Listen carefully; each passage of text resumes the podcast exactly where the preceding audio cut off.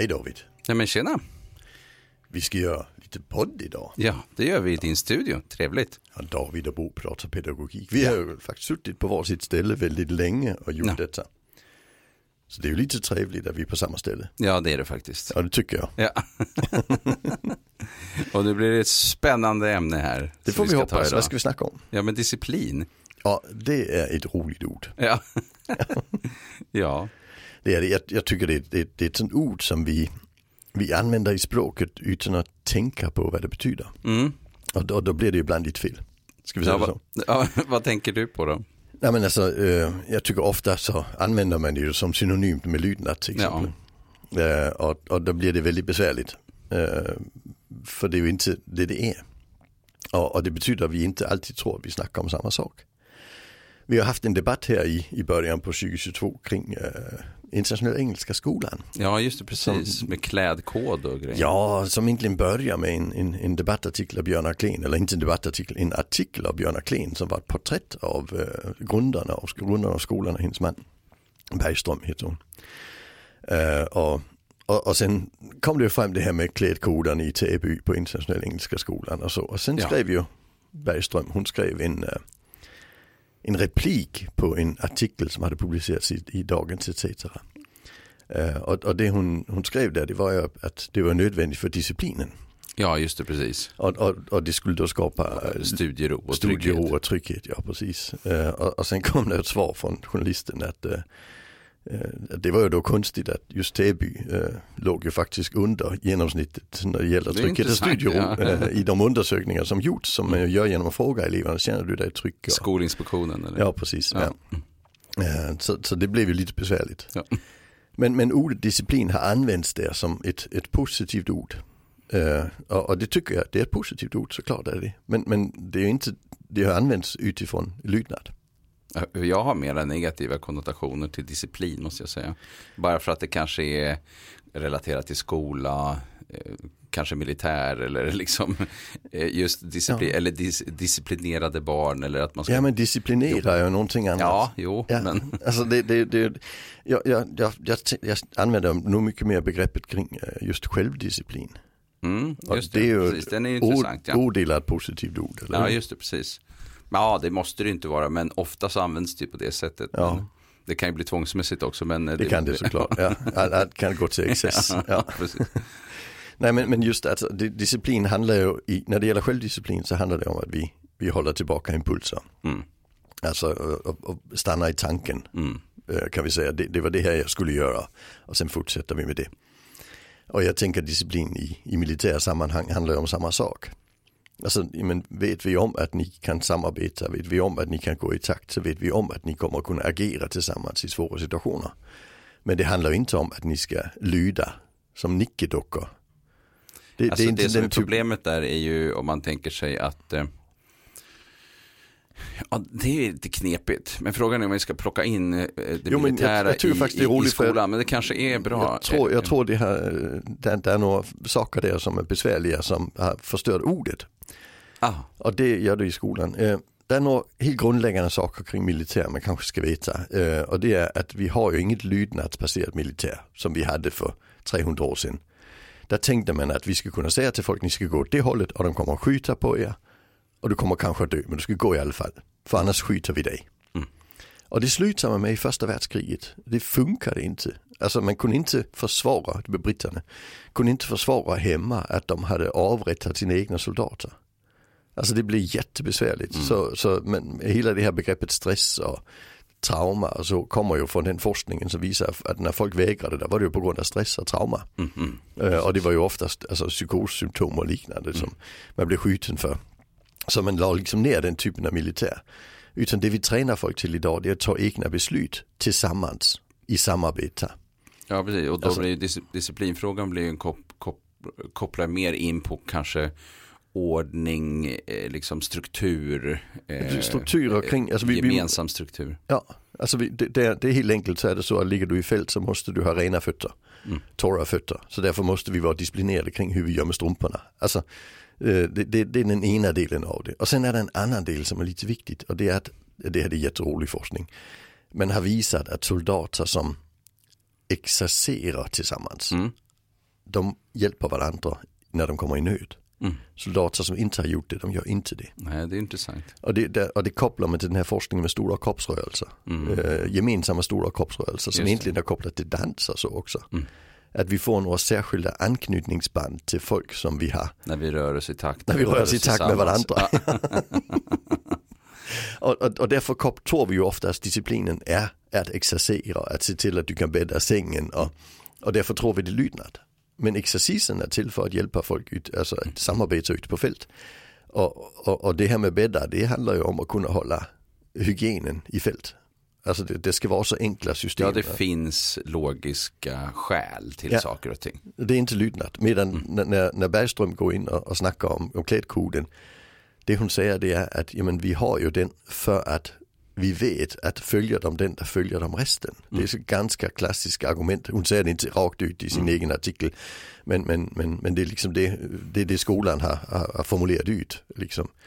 Eh, och, och, och där är det ju liksom, vi ska ha lydnad i det lilla för då får vi lydnad i det stora. Ja, just det, precis. Och, och det är inte det militären sysslar med. Lydnad för, för lydnadens skull, det sysslade man med i Enköping och det innebar att, att en del eh, på, på livregementet i Enköping, där skickade de skicka hem alla. Ja, de gjorde det. det blev inte bra. Det blev inget bra. Nej. Så, så det är inte, alltså det, det är ett missförstånd. Mm. Att det är den typen av disciplin som, kommer, som, som, som handlar om lydnad som sysslar med militären. Det är det inte. Utan det, det är helt enkla eh, system vi har för att få saker och ting att funka. Och det är ju inga problem att en skola har det. Alltså det ska vi såklart ha i varenda skola system som Just gör det. att saker och ting funkar. Problemet det är att det, den som ska utföra det, det är ju då läraren. Ja, för då har vi ett annat begrepp som är disciplinåtgärder. Ja. Som ju handlar om någon slags, alltså, Då har man ut, en slags konsekvens, en straff. Ja. Liksom, en, en, och, och där är det lite intressant, tänker jag också på det här med eh, eh, just att upplevelse, man tänker sig att det ska inte vara ett straff för att sko svensk skola ska inte ägna sig åt bestraffning. Eh, men det upplevs ju ändå som straff när man stängs av eller när man får kvarsittning eller andra Ja. typer av grejer.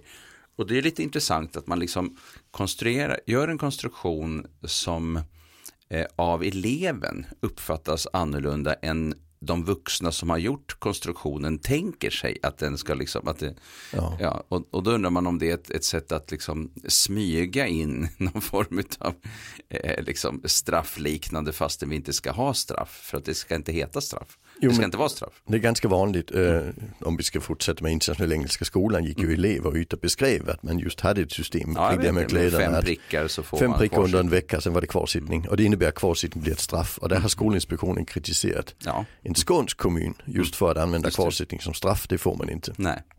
Utan det är, en, det, är en, det är en åtgärd för att eleven ska komma ikapp om eleven liksom har, har stört. Som inte, Och jag tycker det är fascinerande för det här har jag sett på andra håll också. För eh, vi hade, eh, där vi bodde tidigare, eh, våra barns kompisar som gick eh, på den skolan. Och eh, det fanns ju den typen, alltså då var det, hade du inte haft med dig böcker eller saker, material eller penna eller någonting eh, och missat det tre gånger, då fick du tre prickar och då fick du kvarsittning. Och det var ju ganska länge sedan. Jag tänkte att sen tog de bort det där, att det kanske hade försvunnit. Men det verkar ju som att det där är en, en, en stark, eh, det finns kvar i systemet verkar som fortfarande. men vi hade ju sån på 50-talet. Mhm, Eh, och sen togs det ju bort när vi fick andra typer av skollagar. ja. Sen har det kommit tillbaka efter 2011 för det folk tror det är att 50-talets skola är tillbaka. Men, men det är inte så det är skrivet ja, det i finns en del som skollagen. önskar det. Fast Ja. titta, läser man skollagen, den är väldigt... Den är vag. Den är sny- ja, den är vag, men den är Ja. också ganska fint skriven. Jag menar Ja. alltså, den är, den, den, den är en slags, det är en väldigt stark humanistisk prägel, eller vad man ska säga, Oh ja. i sko- både skollagen, tycker jag, men också liksom läroplanen, verkligen. Mm, jo absolut, och, och sen det är kapitel 5 som det, Det är står i. Där, där, är- där, det, är ju, det är ju de yttre gränserna för vad som Mhm. får hända. Det är ju inte en instruktionsbok i vad som ska hända. Nej, och där är det ju intressant att det är ganska många rektorer i Sverige som, som eh, inte vill använda sig av eh, de här reglerna i kapitel 5. Till exempel kvarsittning som aldrig använder kvarsittning. Vissa skolor använder det i princip aldrig och så finns det en del skolor som använder det ganska ofta.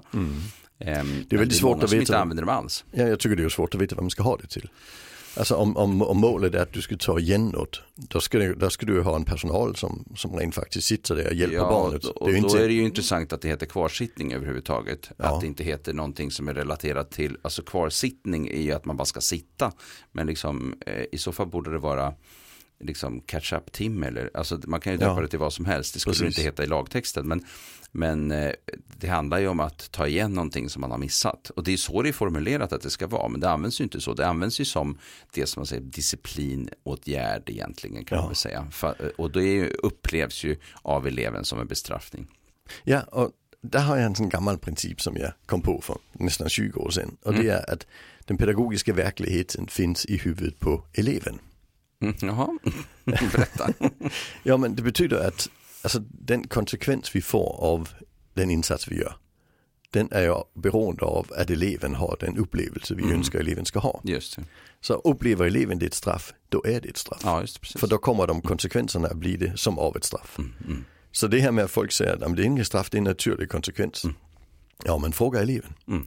Om eleven säger jo men det är ett straff, ja men då är det ett straff. För då, då kommer det inte att funka som en naturlig konsekvens. Nej, och det här är intressant liksom också då tänker jag när man inför eh, att barnkonventionen ska bli lag i Sverige som man gjorde eh, första januari 2020.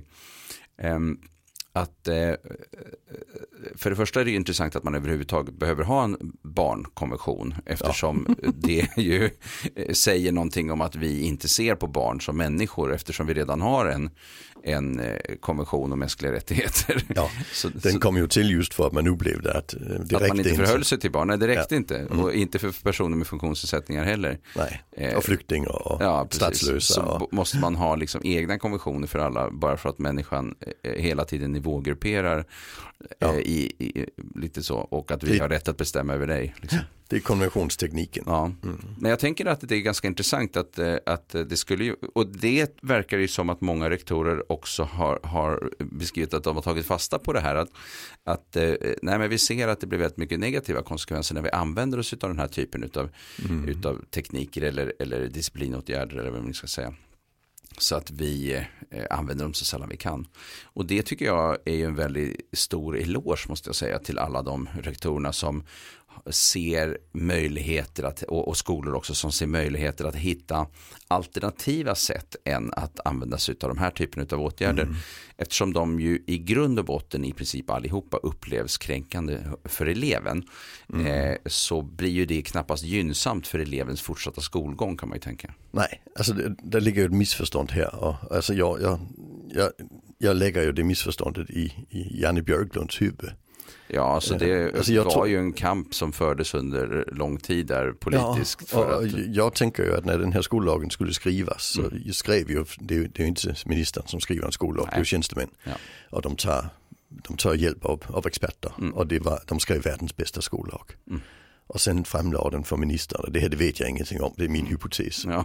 Och sen tror jag han sa, men allt det där jag brukar snacka om, varför inte det med? Ja. Och då tror jag de sa, men Janne, där får du skriva ditt eget kapitel. och sen tror jag han skrev kapitel 5. och, och sen har man försökt omformulera det, alltså tydliggöra liksom. Men, men, men det viktiga att säga det är att det, det beskriver då de yttre gränserna för vad man får göra. ja, men precis. Alltså, In, inte att det är så här man ska göra. nej, och de är fortfarande begränsade till till exempel två veckors avstängning. Alltså, om alltså, per så- år, ja precis. Ja, att det inte är liksom, eh, man kan inte göra hur man vill. Precis. Men jag tror i, i Björklunds huvud är det så att disciplinåtgärder skapar Mm. disciplin. Och, och det är där jag menar det är missförstånd i orden. Ja, det är ju ganska intressant för att eh, om vi tittar på studierosbegreppet, studiero, det är oftast är det studiero, eh, inte lika mycket trygghet kanske som, som ligger bakom till exempel klädkoder eller liksom så här. Så trygghet, det beror lite grann på hur man ser på saken, men där är det också lite intressant att här kan man ju då istället skapa otrygghet i form av att man blir Eh, osäker på hur de vuxna ska förhålla sig. Det vill säga att det faktiskt är en, i vissa miljöer då skulle man kunna tänka sig att det kan bli en otrygghet där man eh, upplevs Ja men till exempel, nu har jag fel, fel kläder på mig. Ska någon vuxen komma och utsätta mig en gång till för en kommentar om bh-bandet som var till exempel en tjejs kommentar. Det är väldigt gränsöverskridande. Ja, det är och- väldigt gränsöverskridande och just det här sexualiserade blicken liksom och, och så. Det, det blir eh, väldigt, väldigt problematiskt.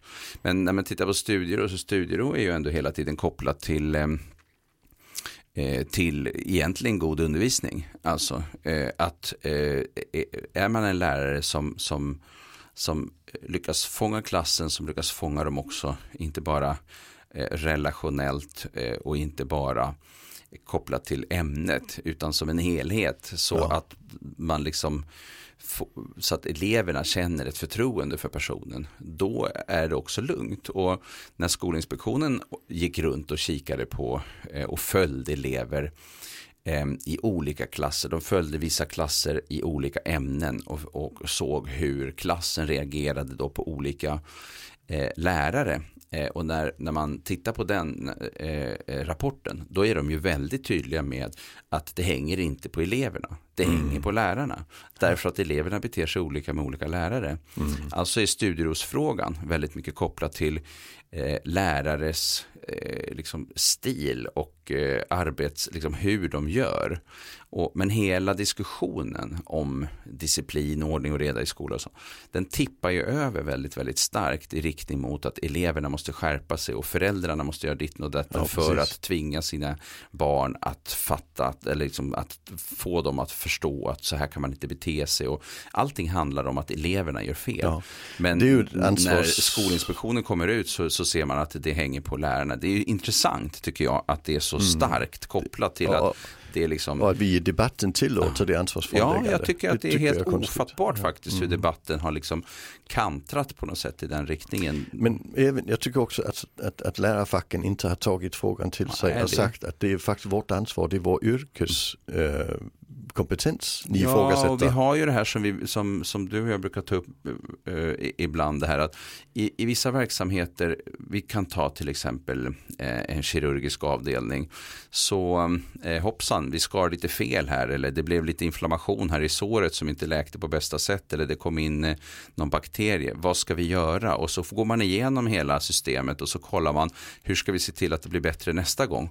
Eh, eller på en industri eller i andra verksamheter. Men här Det är också viktigt att säga att det gör man ju även om det är en ytterligare som man vet, han kommer inte att sköta det här såret. Så hur Nej. ska vi skapa rutiner Ja. för att det kan skötas ändå? Ja, just precis. Alltså det, det är väldigt viktigt, man lägger aldrig ett ansvar på den, på den enskilda i detta. Nej, men, men och det är så intressant för att i skolans värld har vi ju inte haft eh, lika, lika stor, eh, vad ska vi säga, eh, eh, alltså arbete kanske kopplat till, till eh, att jobba igenom hur man ska förhålla sig till olika typer av beteenden. Vi har det när det gäller till exempel matematiklärarna sätter sig ner och säger vad, vad är bästa undervisningen i matematik och svensklärarna säger vilka är våra bästa metoder för svenska. Didaktiken. Didaktik, ja, precis. Och, och metodiken. Så. Eh, Men när det gäller beteende, så, som ju är det som man pratar om när man pratar om ordning och reda i skolan och allt och alla de här frågorna kring disciplin. Eh, där när man ska jobba systematiskt där så är det intressant att man, att man in, det är i alla fall min upplevelse att man, man jobbar inte så, så, så mycket systematiskt med den frågan som man skulle behöva. Nej, jag brukar säga att man har amatör amatöriserat den Ja. frågan. Ja. Det vi, vi väljer att inte ta in ett professionellt perspektiv på det i skolan. Eh, och, och, och, har Och det är inte överallt för att vissa jobbar med det Mm. på ett professionellt sätt och, och försöker och jobba med och försöka hitta former för det. Men eh, det, det, det, det verkar inte vara, eh, det är inte alls lika starkt som andra delar. Nej, men man anser att man har professionaliserat den med kapitel 5. Men, ja, men, men och de kanske också som, med elevhälsoteamen. ja, men, eh, men just kapitel 5, de metoderna som beskrivs där, det är ju, Eh, Det är ju inte, ett, ar, det är ju inte att arbeta där har vi ju, med. nej, vi har ju tydlig evidens för att de inte funkar, de metoderna. Alltså, så där blir det lite besvärligt. Vi har eh, till exempel Frasers arbete som har tittat på det, som visar att just den typen av metod skapar faktiskt mer risk för våld. Och, och då är det ju jättekorkat att, att, att tro att det är ett sätt att professionalisera. Ja, vi har ju tagit upp det tidigare, men eh, om man liksom stänger av någon från skolan så kan de istället hålla på med och, och sälja knark och hålla på med Ja, alltså det, det, det ökar risken för kriminalitet. Ja, school to prison pipeline. Ja, precis precis. som vi pratade om ja, tidigare. Ja, Mm. Och det är, det är mycket forskning eh, där. Eh, Backa Hicks och kollegor bland annat. Ja, sen en annan sak som finns i det här och det är att på något sätt när det gäller beteende, jag vet inte. Den stora utmaningen det är några procent i skolan. Det finns alltid några procent i skolan, eh, i varje skola som har, som, inte kanske exakt helt spritt, så att det, men det är på alla, på, på alla skolor där det finns elever så handlar det om några procent, det vet alla vilka, vilka de eleverna är. Yes. Och, ehm, eh, och ehm, eh, just att jobba igenom och fundera på hur jobbar vi med de här eh, som har det allra, allra tuffast. De här eh, några procenten som det handlar om. Och i debatten så verkar det som att man plockar upp ganska mycket någon slags idégods som handlar om hur man gör med liksom ganska vanliga barn som är lite stökiga. Ja. Och inte det här liksom att man faktiskt tar sig an frågan om, men vad är det för elever som är de här som har allra svårast och allra tuffast? Det är ju inte de som man liksom säger, nu får du skärpa dig med hög röst liksom, och så blir det bra. Det är inte de vi pratar nej, om. nej, nej, nej. Så metoderna som det diskuteras om i media är ju liksom det är ju banala lösningar på svåra problem som man tror att här sitter jag och pratar en debatt om liksom vi måste införa hårdare tag och vi kan inte liksom hej och hå. Det är bara att säga till dem på skarpen och visa vad skåpet ska stå, hej och hå liksom alla de där typerna av grejer. Det är ju det är faktiskt hårresande amatörmässigt måste jag säga. Ja det är det, för det, det är inte de eleverna vi snackar om. Det är inte dem. Vi snackar ju om de eleverna som har Ja, svårigheter. riktigt stora svårigheter som är, jag vet inte hur många procent, men det är ju liksom Ja, det- kanske 5 vi procent. snackar 5%, ja, där någon- någon riktigt svåra 10, kanske ja. 2 procent Ja, eller 1 precis. procent. Det är Liksom. så jag tänker också. Ja. Ja. Eh, Det är ju inte en i varje klass som ställer Nej. till det så att vi får problem i skolan. Det är det Nej. inte. Så det men, och, och de behöver vi ju just ha elevhälsans arbete in över. Sen Mm. behöver vi hantera dem inte i flock utan, utan vi måste hantera dem mer individuellt. Jag hade Ja. någon rektor som sa, men det är sen 10-15 elever i, i skolan, liksom. det var Mm. väl en skola på typ 300 plus. Ehm, det är ungefär där, eh, de, de vet vi vilka de är och de, de är riktigt svåra. Ja. Och hur ska vi jobba med dem eh, i en skola för alla? Liksom. Alltså det är ju en gigantisk utmaning. Ja men, men det är också just det som gör att det är skolan för alla. Ja, Alltså, precis. eh, men sen finns det också röster i samhället som säger att de ska inte vara där för då Nej, blir det precis. lugn och ro. Ja. Och jag tänker lite att, att den här debatten kring internationella engelska skolan har ju, har ju tagit sig det utgångspunktet om alla går i takt. Och då kan vi tydligt se vem som inte går i takt och de ska inte vara här. Mm. Det är liksom, det, det är så vi oftast har sett det i, jag har varit med om friskolor som får säga att de här eleverna ska inte vara här hos oss. Alltså, som, som, Ja, ja, och- det alltså, för är- det, det, vi, vi, det Den inte in. tendensen finns på massa håll. Ja. eh, Den här Och- känslan och av men vi kan man- inte ha elever som funkar på det här sättet. Vi Mm. måste liksom Och då måste vi ha ordningsregler som gör att, vi, att, att de inte är här. Det är så eh, man ibland har tänkt. Ja, och, och det som man missar är ju hela idén kring funktionsnedsättningar och, eh, Oh ja. och svår, utvecklingsavvikelser eller, eller stora svårigheter på det området. Ja men där har jag hört skoldebattörer som också säger att det, det är ju, det är ju sådana, sådana barn som ska vara på eh, särskilda ställen. Mm. Alltså, Behandlingshem eller annat. Ja liknande, tänker man då liksom, de ska inte vara i skolan. Och, och det är inte så skollagen ser ut, alla barn är i skolan. Jag, jag, jag, brukar, jag brukar vara väldigt tydlig med det. Att, att eh, alltså, skolan är till för alla barn och alla barn är i skolan. Det går inte att komma undan. Alltså, även om, om du som lärare får undan en elev så det- hamnar den ju bara hos någon annan jävla lärare. Mm. Alltså, så vi måste ju ha system i skolan för detta. Ja, och För annars, får vi handlett- ju, annars får vi ju ta livet av de här två procent av Ja. barnen och det, det är kanske inte riktigt där vi Och är. jag har handlat på många sådana där eh, mindre, i mindre undervisningsgrupper. Ja det och, har jag jobbat med i många år. Ja, precis. Och det har vi gjort båda två. Mm. Och, ehm, eh, men det som jag tänkte på var att eh, det också där finns en väldigt stark, där, men det här är inte en elev vi kan hjälpa. Den, Ja. Och då är det i princip nästan alltid att det finns väldigt mycket utagerande beteende. Ja. Och är eh, det som är den typen av utagerande beteenden är ju svår, det är ju inget uttal om det. Men, eh, eh, men det är ingen som vill ha hand om det. Nej. Nej. Nej. Och om vi då går tillbaka, så där skyller man då på att det, det är för att han inte är disciplinerad. Mm, ja. för vi måste ha en disciplin.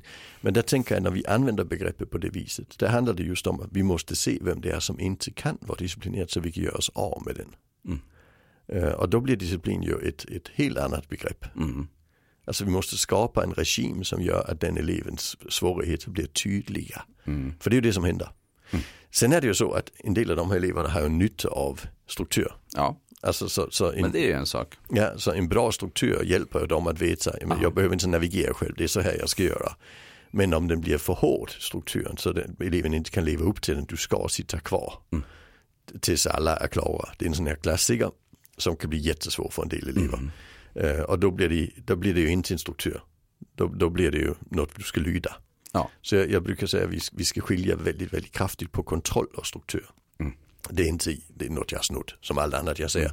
Mm. Mm. Jag har inte tänkt en eh, individuell tanke i hela mitt liv. Jo, kanske någon. ja men det är, det är troligen någon som har tänkt det innan. Folk, ja, har, folk ja, har snackat om detta i 300 000 år tror jag. Ja, men, precis. Ja, men, men Sen... just den här tanken kommer från Wendy Golnick. Ja. Och hon säger ju att alltså, vi, vi kan ha en, en grundsyn att vi vill ha kontroll. Eller att vi vill att barnet ska ha självkontroll. Mm.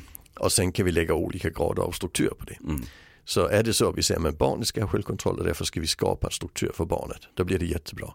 Men om vi säger att vi ska ha kontroll och därför skapar vi en struktur. Då blir det just inklusiva konsekvenser och straff och mm. disciplinära åtgärder och vad vet jag.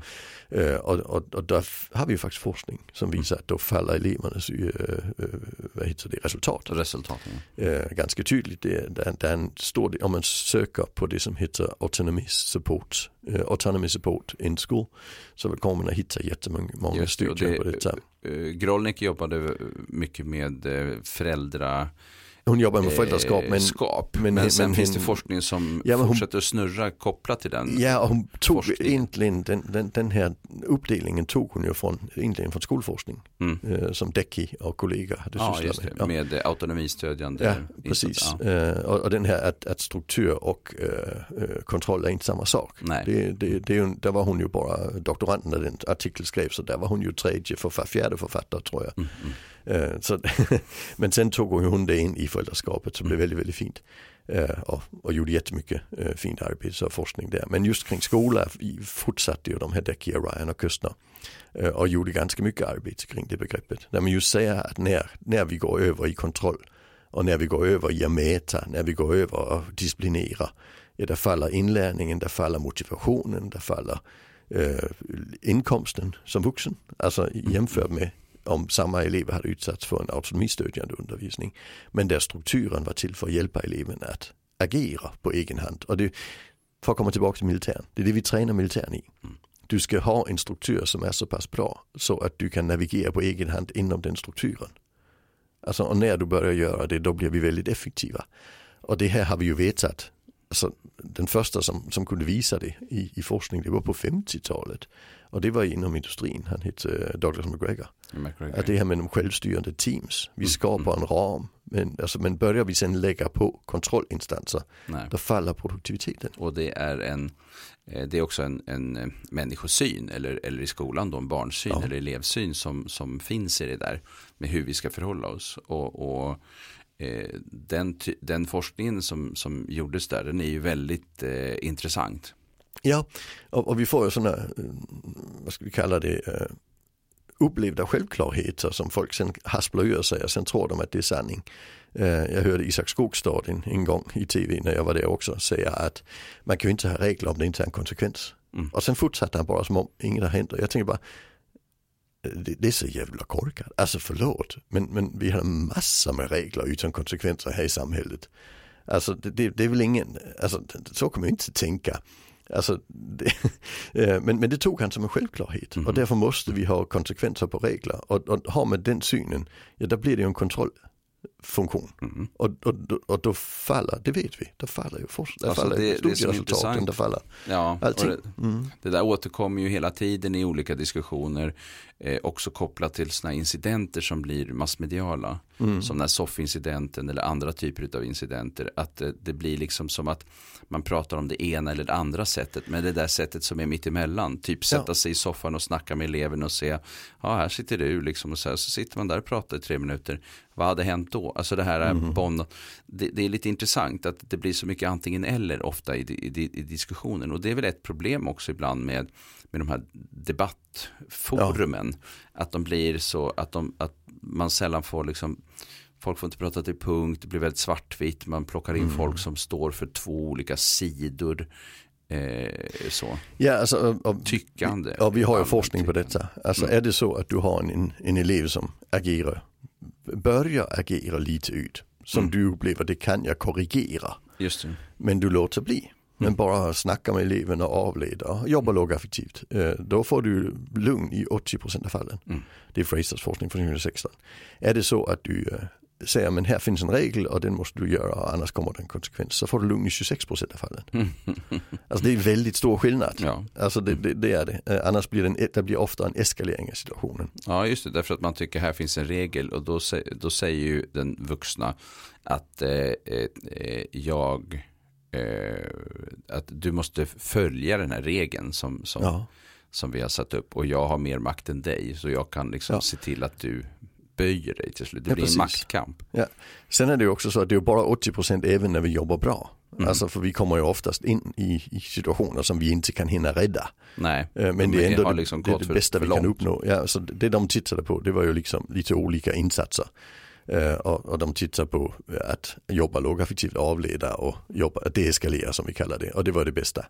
Eh, och hälften så bra var det att eh, ta ett, ett samtal. Ja, Alltså, och ännu betydligt sämre var det då att, att, att säga stopp, här går gränsen liksom. Eh, Och eh, lägga på handen lite lugnt. Det var 50% slutar i våld. så det var riktigt illa. Eh, Där var det 28% det blev lugn men, men 50% slutade i våld. Så det är, det är ju lite våldsamt. ja. Eh, och sen eh, när, när man gick till en, till en faktisk eh, konsekvens med till exempel att stå i vägen eller, eller låsa in eller ta tag i eleven. Eh, Där då var man nere på 2,7 procent som blev lugna och och 50 procent våldsamma. Liksom. Så det är ju det, det, det blev inte bra. Så, så helt klart och Nej. tydligt är det, är det ju negativt att, att, att lägga på en konsekvens i den situationen. Mm. Och sen tänker jag i samhället har vi ju massor med, med situationer där vi har regler som inte har konsekvenser. Mhm. Alltså man ska inte vara, eh, man ska inte vara otrevlig mot hon som sitter i kassan på ICA. Mhm. Men vi har inga konsekvenser på Nej, det. det har vi inte. Nej, Nej, det finns men- ju överallt. Ja. Men de allra flesta av oss är inte otrevliga mot hon som sitter i kassan på Nej. ICA. Det behövs inte. Nej, det behövs inte. Nej. Alltså, så så, det, så det, det är bara dumt att tro att världen hänger ihop så. För de är ju inne i att vi ska kontrollera barnen. Och då är vi inne i att då börjar vi kontrollera kj- kjollängder och vad vet jag. Det är samma grundtanke. Och den grundtanken hör hemma i, i en hel... I en annan tid. Ja, eller, eller Nej, det är- inte ens det tror jag. Den Mm. hör hemma i ett samhälle där, där några bestämmer över några andra. Det, det är ett sådant slavsamhälle eller feodalt samhälle. Alltså det, det är inte i, i ett, ett stenålderssamhälle för där var vi samarbetande. Alltså, fem, Alltså, man, har- man säger att man har varit samarbetande på savannen så att eh, ja, det är väl, det är väl eh, det, det, det, det är där vi överlever. Det är väl först när vi börjar navigera i det här feodala från, från överheter. Ja precis, Mm. Eh, och, och, och, och, då krävde vi lydnad. Och, och först när vi börjar, på, jag tror det mest, det mest tydliga samhälle vi hade kring detta det är ju det feodala som vi hade i Sverige ganska långt faktiskt. Vi hade ju folk som, som jobbade för mat och husrum i princip på godsen ända in i början på 1900-talet. Ja, Danmark var väl, eh, hade väl det rätt länge va? Ja, där var det eh, 1848, Aha, var det? ja, men, Ja. men i Sverige hade vi ju eh, det här lite längre ja, ute på landet. Just ja. det, nej jag tänkte på, ja. Mm.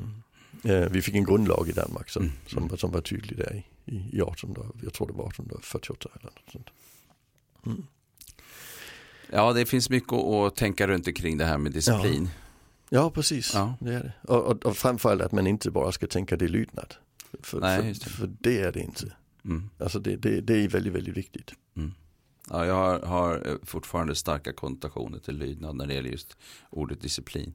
Ja. Men, eh, men eh, det, det, i Men- min värld har det inte varit mycket bredare. Men i, Nej, men jag i, tänker, i din alltså- värld är det lite bredare. Ja, för, alltså var sak på sin plats Ja, och ordning och reda. Ja, precis. Ja, Ja. Jo, jo, det är en viss Det- det disciplin. finns- För det det finns när man ett, breddar eh, också till självdisciplinsfrågan. Mm. Ja, det, det finns ett, Mm. eh, ett, eh, ett, ett stort danskt företag som heter uh, Maersk. Det är världens största rederi Mm. och de har ju de här containers. Och Mm. Kan du tänka dig vilken logistik det är att Ja. hålla reda på dem. uh, där, där hände ju det att uh, hela den här logistiken följer i ett, uh, ett datanedbrott för några år sedan. Och där var, var de ute i hela världen och skriva ner var varenda jävla container stod för att få igång det igen. Eh, Men, men det företaget är väldigt, väldigt framgångsrikt. Mm. Eh, och, och de har ett, ett valspråk. Och det betyder i princip, eh, vi ska vara noga och i rätt tid. Mhm. Alltså no, noggrannhet i rätt tid. Det är Mm. liksom det de, de sysslar med. Det. Och, och, och det är inte lydnad. Mm. Alltså det, här jobbar vi tillsammans för att vara noggranna i rätt tid. Och den, den grundtanken, det är det som skapar disciplin som man kan hantera i ett containerföretag som är så jäkla stort liksom. Det. Och det kan vi utan problem från skola göra också. Mm. Det, det är inga problem. Men, men Alltså- det är vi som ska skapa systemet för det. Ja, det är lite Det är intressant eleverna. när man börjar prata om eh, trivselregler eller eh, ja, de heter lite olika saker på Mm. olika ställen. eh, det är ju tydligt att eleverna ska involveras i det arbetet. Yes. Och det är ju kopplat då till att när eleverna är med i det så har de lättare att följa det därför att de har varit involverade i att tycka kring det eh, Ja. på något sätt. Det, det är ju tanken i alla fall. Tanken. Ja, och, men det, det viktiga det är ju att, eh, att man gör det på rätt sätt också. Ja, verkligen. För det, det är inte, alltså, det är ju egentligen en, en hel egen pott tycker jag. Men, men, men Ja, just, det kan vi ta någon gång. för, Men eh, för, vad jag för, tänkte för just det, var... vem, vem är det som är med och bestämmer detta? Ja, men nej, vad jag Mm. tänkte på var att eh, det finns ju röster i samhället som tycker att det där ska eleverna inte vara involverade i. Ja, ja. Nu, så, nu så, det där ska man bara säga hur det ligger till och sen får folk lyda, liksom, förhålla sig till det på något sätt. ja och, och Och ska det, det, finnas konsekvenser. det vill vi ju inte ha i, Nej. I samhället i stort. Så varför Nej, ska vi få... på vilken arbetsplats som är sugen på att ha den eh, varianten. Liksom, Ja, Utan eller, land. Chefen bestämmer, ja eller land, ja precis. Ja, alltså det, det är ju Ja. Mm. diktatur och, och, och ska vi fostra barnen till diktatur då är det inga problem att göra det. Nej, Men det är nog inte det vi vill. nej det är det, jag tänker på frågan om det långsiktiga. Ja, att man tappar så ofta bort den långsiktiga frågan. Eh, och nu menar inte jag att eh, det är bra att det inte är studiero i skolan till exempel. Nej, men det är ju klart det ska vara studiero. Det är klart att det ska vara det. Ja. Men frågan är vilka metoder ska vi ha för att röra oss dit? men studiero är inte lika med lydnad. Nej, det, är det verkligen det, inte. Det, det är den biten som är jäkla, jäkla viktig. Mm, nej, Vi, vi måste ju säga nu också att vi, vi håller på att skriva en bok Ja. om studiero som vi har hållit på att skriva i två år. Ja, Alltså, det tar sin lilla tid men, Det eh, men den kommer ju så småningom på Ja. naturkultur. Ja, precis. Så det är därför de här tankarna upptar oss. ja, precis, den gör ju det. Mm. Mm. Ja, ska vi runda av där Mm. det för får idag? vi nog göra annars Ja, blir det det alldeles vi. för långt. Ja. Yes. Hej, hej. hej. hej.